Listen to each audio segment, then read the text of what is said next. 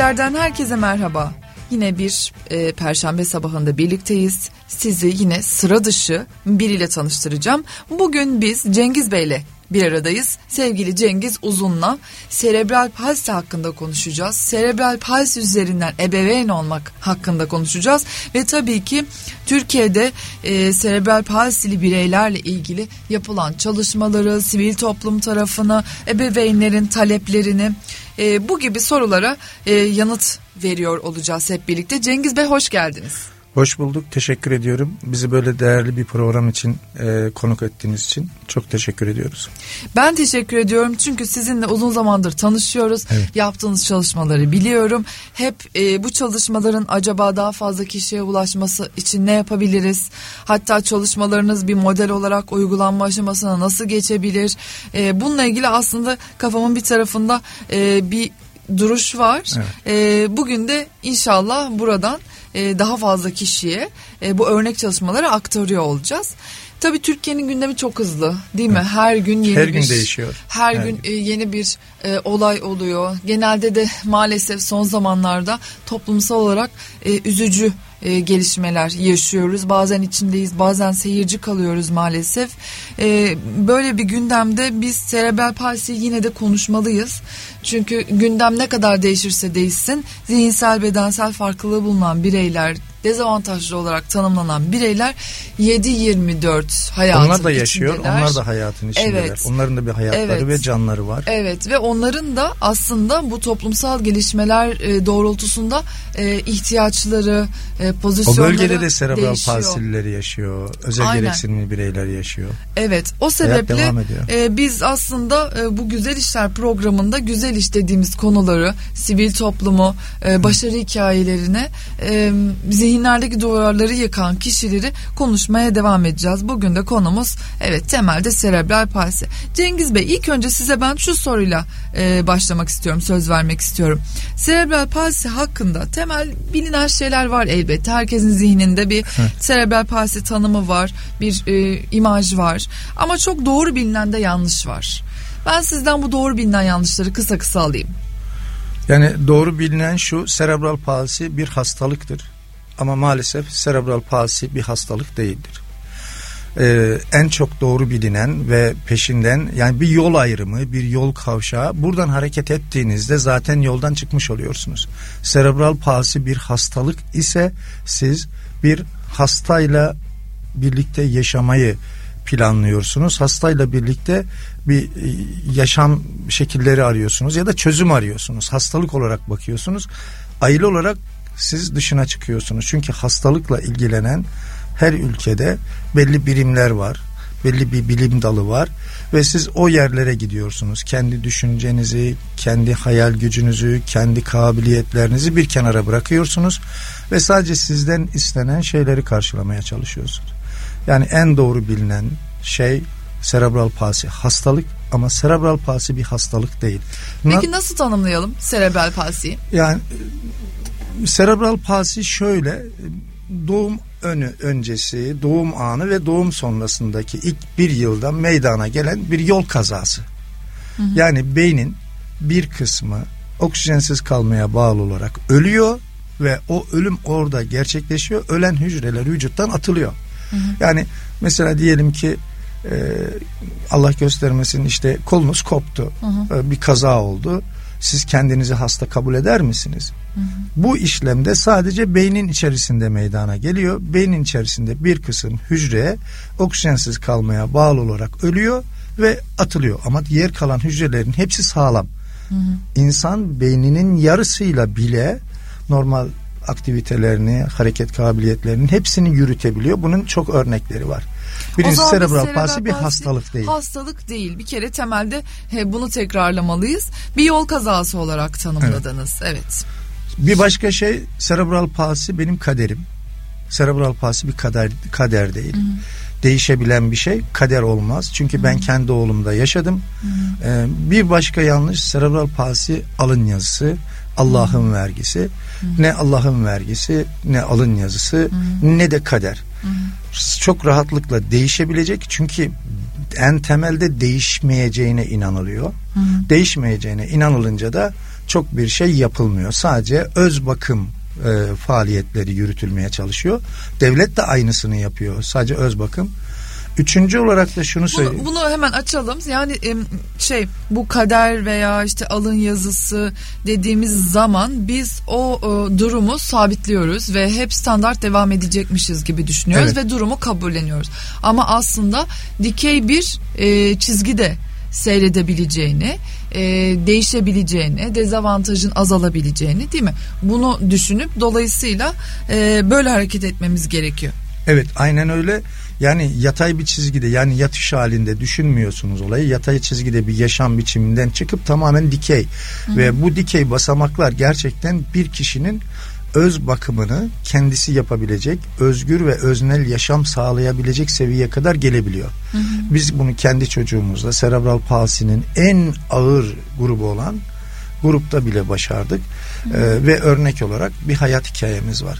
Evet. Ee, böyle bir durum. Gene yanlışlardan e, bir başkası da şu e, tıbbi olarak tıbbi içerik olarak bir yanlış insan yeni beyin hücresi üremez. Fakat 2002 yılında başlayan e, fMR, fonksiyonel MR çıktıktan sonra hı hı. beynin iç görüntülenmesi yapılmaya başlandı. Bu görüntülemeden sonra 2008-2009 yıllarında bilgiler, araştırma sonuçları yayınlanmaya başladı. İlk olarak 2009'da insan beyin hücresinin yeniden üretilebileceği ispatlandı. Hı hı. Fakat bu devrim niteliğinde bir olaydı. Evet. Bu nedenle çünkü yani bir tarafta yeni beyin hücresi gene bir yol ayrımı, diğer tarafta e, yeni yani üremez, diğer tarafta ürer. Bu nedenle dünyada bu ilk makale çok talep görmedi. Çok büyük itirazlar oldu. Sonra bu makaleyi bir baş İngiltere yaptı. Sonra Avustralya yaptı. İlk Kanada'da yapılmıştı. Daha sonra bu üç makaleyle beraber 2015 yılında Amerikan MIT yani e, Teknoloji Üniversitesi'nde tüm kamuoyuna duyuruldu. O zamana kadar yani 2015 yılına kadar tüm yapılan çalışmalar yeni beyin hücresi üremez üstüne kurgulanmış durumda ve aileler de öyle kurgulanmış durumda. Ama 2015 yılında yeni beyin hücresi ürer gerçekleştikten sonra biz bunu kendi çocuğumuzda da gördük, başka çocuklarda da gördük. Hı hı.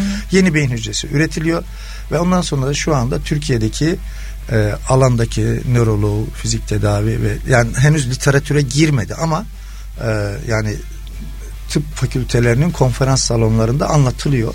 Evet. E, yeni beyin hücresi ürüyor. Yani hı hı. dört tane temel konu var. Hı. E, doğru bilinen yanlış olarak. Evet tabii bu hakikaten devrim niteliğinde bir e, gelişme. Çünkü e, birçok e, hastalıkta e, beyin hücrelerinin tekrardan üretilebiliyor olması veya üreyebiliyor olması hem yani bizim de işte belki e, hayatlarını yatakta sürdüren insanlar için dahi e, çok sıra dışı bir gelişme.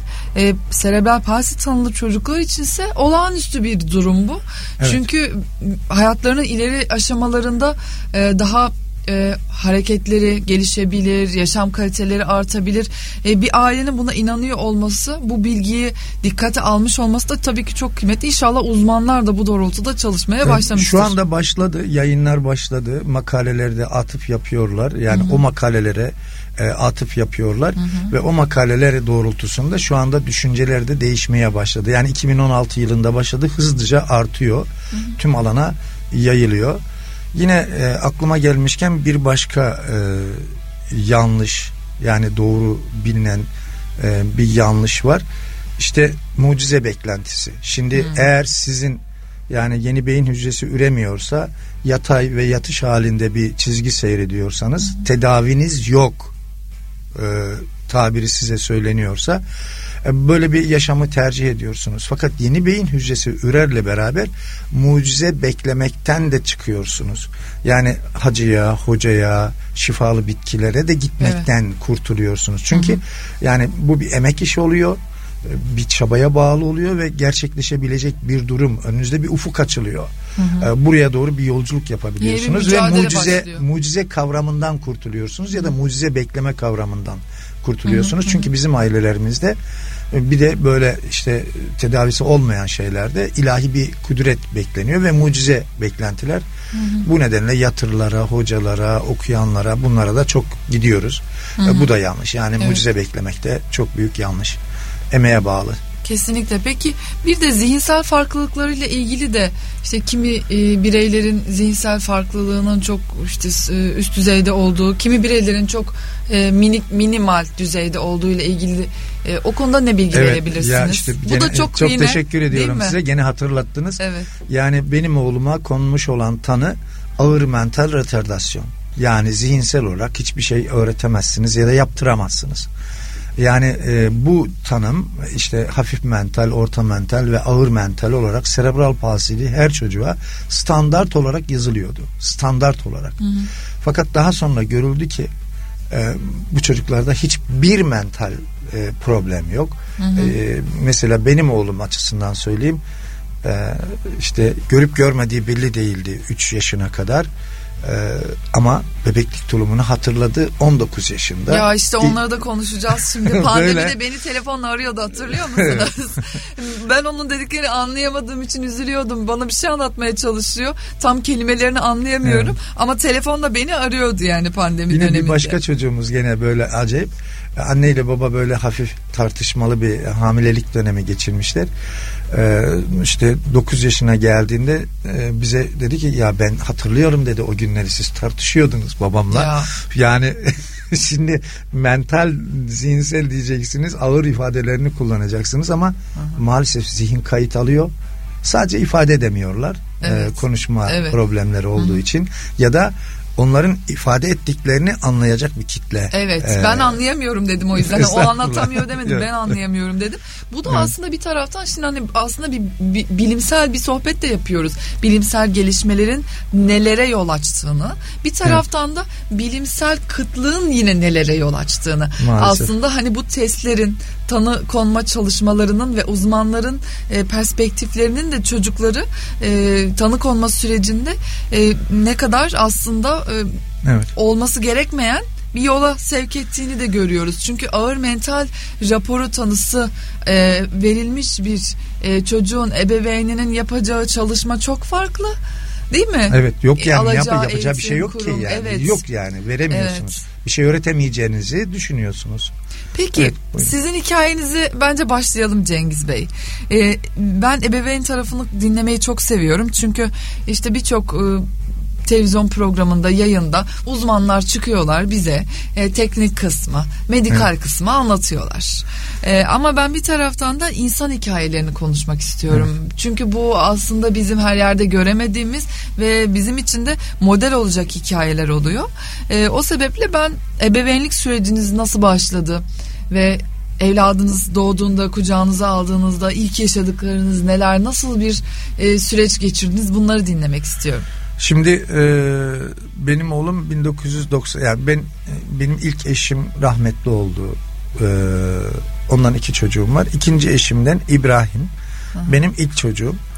Ee, birinci eşimde problem yaşadığımız için Samsun Tıp Fakültesinde vefat etmişti ve ölüm sebebi belli değildi. Bu nedenle hmm. 1996 yılında olmasına rağmen yani o yıllarda teknoloji de ortada olmamasına rağmen biz her ay bu hamileliği kontrollü her ay özele gittik ve kontrol ettirdik.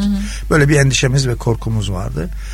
Bu nedenle de doğumumuzu da özelde yaptırdık. Ama gene işte bazen olacak olan oluyor bir yol kazası. Ee, sonra İbrahim gene nefessiz kaldı ve mor e, ölü olarak doğdu yani. Hı hı. Ee, yani o zaman için biz bir toros parası verdik. Ya Özel doğum öncesi bir farklılık yoktu.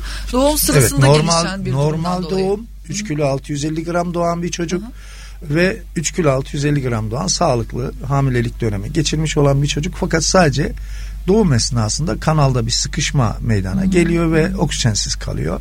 Yani doğum biraz erken başlatılmış oluyor. Yani geceye sarkacak olan bir doğum gündüz başlatılıyor. İşte bunun neticesinde de İbrahim e, böyle bir beyninde hasar meydana geldi. Biz alelacele işte e, ben Amasyalıyım. Amasya SSK Hastanesi'ne küveze götürdük. Ee, oradan onlar sorumluluk almadılar. Bizi Samsun Tıp Fakültesine götürdüler. Samsun Tıp Fakültesinde 13 gün yattık. Ee, küvezde ve ardından işte e, dediler ki tamam çocuğunuz taburcu. Bir tane doktorumuz geldi. E, bize ayaküstü böyle koridorda dedi ki işte çocuğunuz büyük ihtimal yaşamaz. Şimdi ama ee, hacı, hacıya, hacıya, hacıya hocaya da gitmenize gerek yok. Hı. Herhangi bir yere yorulmanıza da gerek yok. Bir tek şey var sevgi. Eğer sevgiyi verebilirseniz eksik etmezseniz Hı. bu çocuk yaşayabilir. Hı. Sol beyin yarım küresi tamamen ölü. Ee, bunun zarı sevgiyle belki açılabilir. Örneğini Hı. bilmiyorum Hı. dedi. Ben şimdi e, yıllar geçti.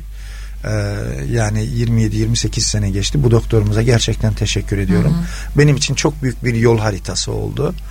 Ee, ve biz e, çocuğumuzu aldık. Ee, benim Amasya Gönücek ilçesinde iki tane iş yerim vardı. Biz sevgi üzerine devam ettik. Hı hı. Yani işim yerimi bıraktım ve sürekli çocuğumla ilgili e, günübirlik onunla hayatımızı geçirdik. Yani e, gerçekten çok büyük bir şok oluyorsunuz. Ee, evet. Ee, yani şaşırıyorsunuz. İlk defa karşılaştığınız bir olay. Ne olduğunu bilmiyorsunuz ve böyle sonuçsuz ve çözümsüz bir e, vaka ve durum da size anlatılınca siz e, büyük bir hüsran yaşıyorsunuz. Kırılıyorsunuz. Hı. Ama burada yakın aile desteği çok önemli. E, çekirdek aileler bu tür durumlarda gerçekten çok yıpranıyorlar anne baba birbirine giriyor. Ee, biz İbrahim'in bakımını İbrahim 7 ay boyunca e, hiç durmadan ağladı. Hmm. Hiç durmadan ve emziremiyorsunuz. Yani emmeyi bilmiyor, emme refleksi yok. Evet. Ee, besleyeceksiniz. Annenin ilk çocuğu. Burada benim kız kardeşim, e, her iki annem, yani kendi annem ve eşimin annesi. Onların desteğini almak suretiyle biz 7 aylık bu süreyi e, geçirdik. Ve 7 aylık süre içerisinde bizim evimizde hiç yemek pişmemiş yani. Hı-hı. Şimdi hatırlıyoruz. Hı-hı. Yani e, en ufacık bir çıtırtıda uyanır, e, şey battaniyenin arasına koyarız İbrahim'i. İki kişi sabaha kadar gezdirir, uykusunu öyle alır. E, bu battaniye içerisinde uyuma modu ya da şekli gerçekten çok önemli bir veriymiş ama biz bunu yıllar sonra içgüdüsel olarak aslında e, yıllar sonra Profesör Doktor Zuhal Yapıcı'dan Nörologlar Derneği Başkanı e, İstanbul Tıp Fakültesi'ni ondan öğrendik. E, o durum cenin yani vücut e, denge duysal verileri dengede olmadığı için sürekli vücudun parçaları koptuğunu düşünüyor hı hı. E, bebek ve Bundan dolayı korku ve endişeler yaşıyor. Ama battaniye içerisinde olduğu zaman vücudu battaniye sarıyor Anne ve cenin pozisyonunu evet. sağlıyor. Cenin pozisyonunu sağladığı için en güvenli pozisyon cenin pozisyonu ve orada uyuyabiliyor. Ve siz bunların hepsini aslında deneme yanılma yöntemiyle ama kendiniz işte biz bunu biz bunu bu ama işte mecbur, sizi şartlar mecbur ediyor. Bir evet. çözüm üretmek zorundasınız. Tabii. Ebeveyn olmak çok öğrenilen bir şey değil. Yani kitabi bilgilerle tabii ki bilgi alıyoruz evet. ama yaşayarak öğreniyoruz. Fakat serebral palsili bir e, bebeğin ebeveyni olmak gerçekten öğrenilebilir bir şey değil. Hele ki 90'lardan bahsediyoruz değil evet. mi? Ya şimdi bakın biz bu bir 2016 yılında ben Suhal Hoca'yla bu konuyu gene Muş'tan bir tane çocuk gelmişti. Yani çocuk iki buçuk senedir hiç durmadan ağlıyor. Hı hı. Ve biz alelacele onu getirdik. Bütün masraflarını ben üstlendim. Hı hı. Ve e, yani havalanından alıp anneden alıp arabaya bindiremedim. Hı hı. Yani o kadar bağırıyor bir kız çocuğunun böyle e, feryat figan ağlaması insanın yüreğini paramparça ediyor. Evet. Ben onu götürdüm Zuhal Hoca'ya. Ee, şimdi benim kucağımda ben pozisyonu bildiğim için duruyor. Zuhal Hı. Hoca'ya veriyorum. E, muayene edemedi. Tabii. Ben alıyorum. E, susuyor. Zuhal Hoca alıyor yatırıyor. Dedi ki size teşekkür ediyorum dedi. Tebrik ediyorum dedi. Hı hı. Gerçekten literatürde yok dedi. Bunu nasıl keşfettiniz? Hı hı. Cinin pozisyonundaki güvenli pozisyona getiriyorsunuz, hı hı. sıkıyorsunuz, hı hı. susuyor ama öbür türlü susmuyor. İşte bizim böyle İbrahim'de de bunu yaşadık. Serebral palsili pek çok çocukta, ağır çocuklarda bu cenin pozisyonu, güvenlik pozisyonu çok önemli. O pozisyona getirirseniz uyuyorlar. Peki siz daha sonrasında dernekte kuruyorsunuz ya. Aslında işte İbrahim'le şey, evet. mücadele ederken motivasyonunuzu hem kaybetmeyip evladınız için daha fazla ne yapabilirim? Onu nasıl yaşam kalitesini artırabilirim diye aslında çalışırken bir taraftan başkalarının evlatları için de fayda üretmek noktasına geliyorsunuz. O hani ilk motivasyonu kazanmak ebeveyn olarak evet insan evladı için sonuna dek mücadele eder ama başka evlatlar için mücadele etme aşamasına geçmek gerçekten güç isteyen bir şey. Siz oradaki geçişi nasıl yaptınız? Biz aslında oraya gelmeden biraz ben geriden alayım. Tamam. Tamam. Kusura tabii. bakmazsanız tabii, vaktiniz ederim. Varsa eğer. Rica ederim. Ee, işte 3 yaşına kadar biz e, memlekette kaldık. Ee, daha sonra e, dedik ki bu işin tedavisi e, büyük şehirlerdedir diye. Evet. 1999 yılında 3 yaşındaki önce geldik bir ay İstanbul'u araştırdık. Sonra da Çapa Fakültesinin dibinde bir ev tuttuk ve komple iş yerimizi de tavsiye ederek İstanbul'a yerleştik. 1999'dan ee, itibaren yani çok büyük bir şok yaşadık. O seneler gerçekten gerçekten çok acayip şeylerdi. Ee, biz Çapa Fakültesinde ilk fizik tedavi muayenesi ne gittik bize 3 yıl sonraya fizik tedaviye gün verdiler. Ya evet. Böyle vahim bir durum. Şok olduk. Ee, sonra Acıbadem'de e, Sabancı Vakfı'nın Türkiye Spastik Çocuklar Vakfı'nın yeri vardı. Oraya gittik. Evet. Oraya gidip gelme imkanımız yoktu. Daha sonra yine e, işte Fındıkzade'de Kızılelma Caddesi'nde bir iş sahibinin çocuğu da varmış. Fabrika sahibinin. ilk özel rehabilitasyon merkezi oraya açılmıştı.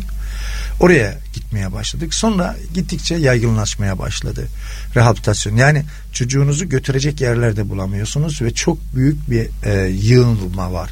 Neden? Serebral palsili çocuk sayısı e, çocuk değil yani birey sayısı toplam nüfusu oranla ortalama yüzde bir Türkiye'de. Hı. Yani bu 860 bin civarında e, bir insan e, kitlesinden bahsediyoruz. Batılı toplumlarda da bu oran çok yüksek. Mesela Avrupa'da bile her canlı doğumda binde dört oranında bir serebral palsili yaşam durumu var. Biz çocuğumuzla e, tüm işte önce devletin verdiğini, sonra belediyenin verdiğini, sonra özel çalışmaları yaptık. Hı hı. E, bulduğumuz, her duyduğumuz her şeye koşturduk. Ne duymuşsak, hangi terapi metodu duymuşsak ona yöneldik. Ekonomik imkanlarımız vardı. Pek çok aile bunlara da ulaşamıyor. Evet. Ve 2007 yılına kadar e, işte ameliyat dendi. Ameliyatları erteledik. 2007 yılında yürüme garantili bir ameliyat olduk. İbrahim'e ayrı bir ev tuttuk. Ee, İbrahim'e ayrı bir bakıcı tuttuk. İbrahim'e bir şoför verdik. İbrahim'e bir fizyoterapist tuttuk. Ve 2007 yılında bu şartlarda ameliyat olduk. Ve üç buçuk yıl İbrahim özel dairesinde özel eğitim ve fizik aldı ve sonuç üç buçuk yıl sonunda İbrahim daha kötü oldu. Hı hı. Ee, doktorumuz dedi ki siz hiçbir şey yapmamışsınız yani ameliyat eden doktorumuz şu an yurt dışında Kanada'da kendisi e, serebral palsi üzerine tez yazmış tek profesördü Bora Göksan Hoca e, ve ama bıçak parası vererek ameliyat olmuştuk 2007'de 15 milyar para verdik gene e, acı durumlar bunlar ama bu ülkenin tabii, geçmiş gerçekleri tabii. yani evet. daha sonra ikinci ameliyat tekrar Bora Hoca ikinci ameliyat dedi. İkinci ameliyatı da yaptı. Bu defa ikinci ameliyattan sonra ee, yine bir başka profesör, profesörümüze gittik yürüme analizinde Ekin Akalın. Dedi ki bu çocuğun artık bundan sonra e, yürüme imkanı yok. Kesinlikle yürüyemez. E, işte 2011'deki bu ameliyattan sonra ben tekrar işimi bıraktım e, ve çocuğumun başına geçtim. Hı hı. E, kısaca ben e, kabullenmek istemediniz yani değil mi? Yani ben bunun için yani bunun dediniz. için İstanbul'a gelmemiştim. Yani İstanbul'da çok rahat bir ortam şey Amasya'da çok rahat bir ortamım vardı. iki tane iş yerim var. Hı hı. Ee, çocuğum çok mutlu, biz mutluyuz. Yani bakmaya kıyamıyorsunuz biliyorsunuz. İbrahim evet, çok yakışıklı evet, siz de biliyorsunuz. Evet. ee, böyle e, ben İstanbul'a çocuğumun çok affedersiniz altından almak için doktorun ifadesi buydu altından Hı. alırsınız bundan sonra. Hı. Onun için gelmedim dedim ve aynı gün işimi bıraktım. Hı hı. Ee, ben jandarma subayım. Ee, 1984 mezunuyum ve 1990'da irticai faaliyetten atılan bir asubayım. Hı hı. Asubaylığımda görmüş olduğum askeri okulda ve asubaylığımda görmüş olduğum e, as, genel kültür, fizik hareketleri ve spor hareketleri vardı. Hı hı. Onlarla beraber fizik tedavilerde gördüğüm hareketleri böyle bir araya getirdim, cem ettim e, evimin odasında e, evimin salonunu boşalttım ve o salonda İbrahim'le çalışmaya başladık. Bu çalışmanın neticesinde İbrahim e, kasları gelişmeye başladı. Daha sonra e, bize Çapa'daki son yürüme analizindeki profesörümüz şunu demişti. Yani bir ihtimal var. Bir ayağını bin defa, bir ayağını bin defa yani günlük iki bin defa ayağını 90 derece kaldırabilirseniz böyle bir Hı-hı. şey yaparsanız bunu asla başaramadık tabi. Ee, ben dedim ki bunu bir makineyle yaptırabilirim ben. Ee, Çerkezköy Sanayi Sitesi'nden Gebze Sanayi Sitesi'ne kadar e, hem İbrahim'le günübirlik çalışıyorum. işime hiç gitmiyorum. Hı 8 ee, saat çalışıyorum. Ardından da vakit buldukça böyle e, gündüz ara saatlerde de sanayi sitelerine gidiyorum. Kafamda bir sistem oluşturmuşum. Bu bin defa yaptıracak bir makine yaptırmaya hı hı. çalışıyorum. Hı hı. Yani o sanayi sitelerinde işte herkes diyor ki çocuğunun durumunu kabullenemeyen bir deli gelmiş. Kimisi cebime haçlık sıkıştırıyor. Kimisi çorba söylüyor. Kimisi çay söylüyor. Kimisi kovuyor. Hmm. Yani o kadar e, dramatik şeyler yaşadık ki sanayi sitelerinde. E, sanayi sistemi çok farklı. Ben komplike bir makinayı tasarlamışım. Hı Su borularından prot- portatifini yapmışım. Adama hı anlatıyorum. E, kabul etmediler. Anlatamadım yani. Daha sonra ikinci bir kez bu defa ahşap süpürge saplarından tam böyle hareketleri gösteren bir model yaptım. Aha. Bu defa onu götürüyorum gittiğim yerlere. Aha. En sonunda Bayrampaşa'da bir tane e, usta bulduk. E, ıslak mendil makineleri yapan bir Hı-hı. usta. Komple Hı-hı. ıslak mendil makinesi yapıyor. E, ona gittik. O da dedi ki ben de yapamam bu işi. Bayrampaşa'da bir tane adam var. E, alaylı bir adam ama Hı-hı. Ona profesör derler. Hı-hı. Kaç lira isterse vereceğini söyle. O dedi bunu yapar. Yani para için yapmaz ama sen kaç lira isterse söyle merak için yapar. Dedi böyle mucit. meraklı bir evet mucit evet. bir adam. Ondan sonra e, işte Bayrampaşa'daki bu sanayi sitesinde o ustalar makine ya ustalarla ve makine mühendisleriyle 8 kişi bir akşam toplantısı yaptık.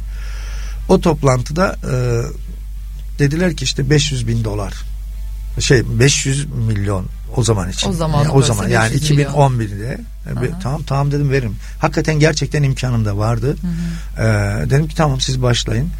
Ben hemen neler istiyorsanız yazın dedim. Onlar da cidden inandılar. Sonra başladık. Dediler ki sen bizden bir insan yapmamızı istiyorsun. Acil olanı söyle. İbrahim hmm. de ameliyattan yeni çıkmış. E, acil olanı tarif ettik. E, çok uzatmayayım. Neyse küçük bir makine ortaya çıktı.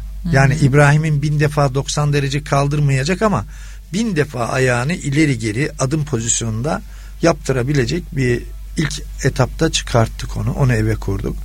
İbrahim hızla gelişti. Hı hı. Yani o kadar hızlı gelişti ki şok oluyoruz. Çünkü her gün hem çalışma süresi 8 saat işte yanlışlardan bir tanesi de şu serebral palsili çocuklara acıma onlara merhamet gösterip Evet tüm e, sıra dışı bireylere aslında biz acıyoruz toplumsal evet. olarak. Hani sanayide yaşadıklarınızı anlatırken cebime harçlık koyan da oldu diyorsunuz ya. Hakikaten ben burada e, zihin farklı bir ebeveynini de ağırladım. Down sendromlu arkadaşımızı da ağırladım. Kendim de bir sivil toplum e, uzmanı ve e, işte e, savunucusu olduğum için çok derinden yaşıyoruz bunları.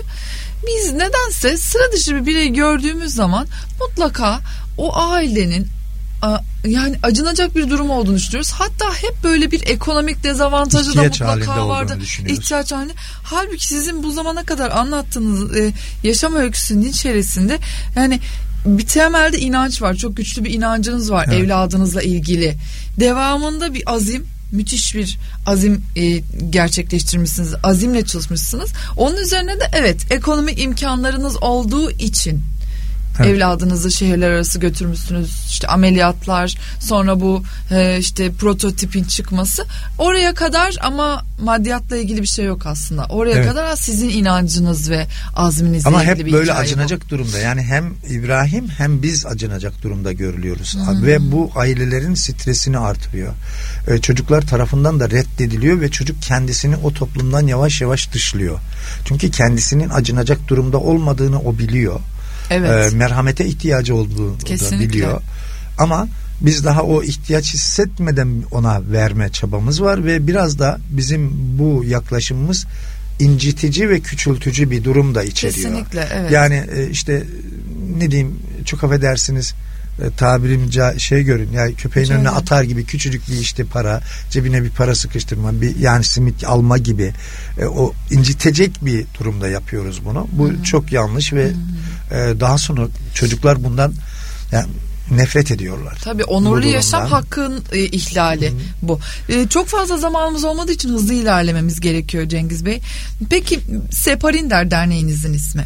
Dernek bugün neler yapıyor? Bahsettiniz ya hani 860 bin civarında serebral palsi tanılı birey olduğunu düşünüyoruz. Türkiye'de tabi istatistikler her zaman sorunlu ülkemizde ama 800 bin civarı bu bireyler için çalışan bir derneksiniz siz. Temelde dernek neler yapıyor? Ben valla oraya kısa geçemeyeceğim çünkü çok önemli bir hayat hikayemiz ne kadar var bilmiyorum ama e, işte benim bu çalışmam 2011'de 2011'deki bu çalışmam neticesinde 10 ay sonra İbrahim 45 santim boyattı uzadı. Hı hı. Bütün kemikleri açıldı. Hı hı. Ee, 2012'nin 28 Şubat'ında da ilk defa evin koridorunda boydan boya yürüdü. Evet. Yani İbrahim yani hı. yatak ayağı altından alacak alınacak denen yatak hı düşecek denen çocuk e, yani 12 ay 13 ay içerisinde ayağa kalktı ve yürüdü. Hı hı. Ben bile inanamadım yürüdüğüne. Evet, evet. Ee, daha sonra annesine haber verdim. Annesi inanamadı. Hı hı. Gecenin böyle on buçuk böyle hala gece on buçuk çalışıyoruz hı hı. evde. Hı hı. Ee, sonra annesi geldi. Yani gözyaşlarınızı tutamıyorsunuz. Yani öyle ya müthiş bir şey oluyor. Hı hı. Ee, defalarca yürüdü İbrahim. Daha sonra işte yürümeden sonra biz daha da heyecanlandık. Ee, ve e, bu konudaki hocalara götürdük. Dediler ki nasıl yürüttünüz? Evet. Nasıl başardınız? Böyle olup da yani yürüyen bir çocuk görmedik. Hı. Bir defa biz dedik ki ne yapmışız? Neler yapmışız? E, Kocaeli Üniversitesi Profesörü Erbil Dursun var fizik tedavi hocam. E, kendisine çok çok teşekkür ediyorum. E, bizi Kocaeli'ye davet etti ve Hı. üniversitede bu çalışmamızı anlatmayı istedi ve 3 ay biz Kocaeli Üniversitesi'ne gittik ve Kocaeli Üniversitesi'nde yaptığımız çalışmaları anlatmaya çalıştık. Şimdi e, daha sonra bu değerli çalış yani Erbil Hoca şöyle söyledi siz mekanik bir dahisiniz ve yurt dışında olsanız kesinlikle Nobel'e aday gösterilirsiniz hı hı. ve birkaç dalda vermeye çalışırlar. Hı hı. Dedim ki madem bu kadar değerli işler yapmışız biz ne yapmışız bir araştıralım evet. e, dedik ve incelemeye başladık. E, bir de hocam şöyle bir garanti verdi dedi ki siz bu konuda benim önüme ne, ne tür bir rapor getirirseniz gözüm kapalı imzalayacağım. Ne olur bu alanda çalışın. Hı. Onun teşvikiyle e, bu yani yaptığımız çalışmaları e, bir araya getirmeye, derli toplu görmeye çalıştık.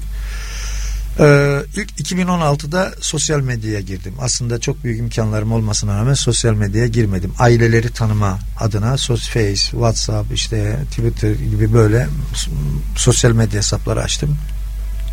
Ailelerle irtibat kurmaya çalıştım. Çocukları tanımaya, aileleri tanımaya.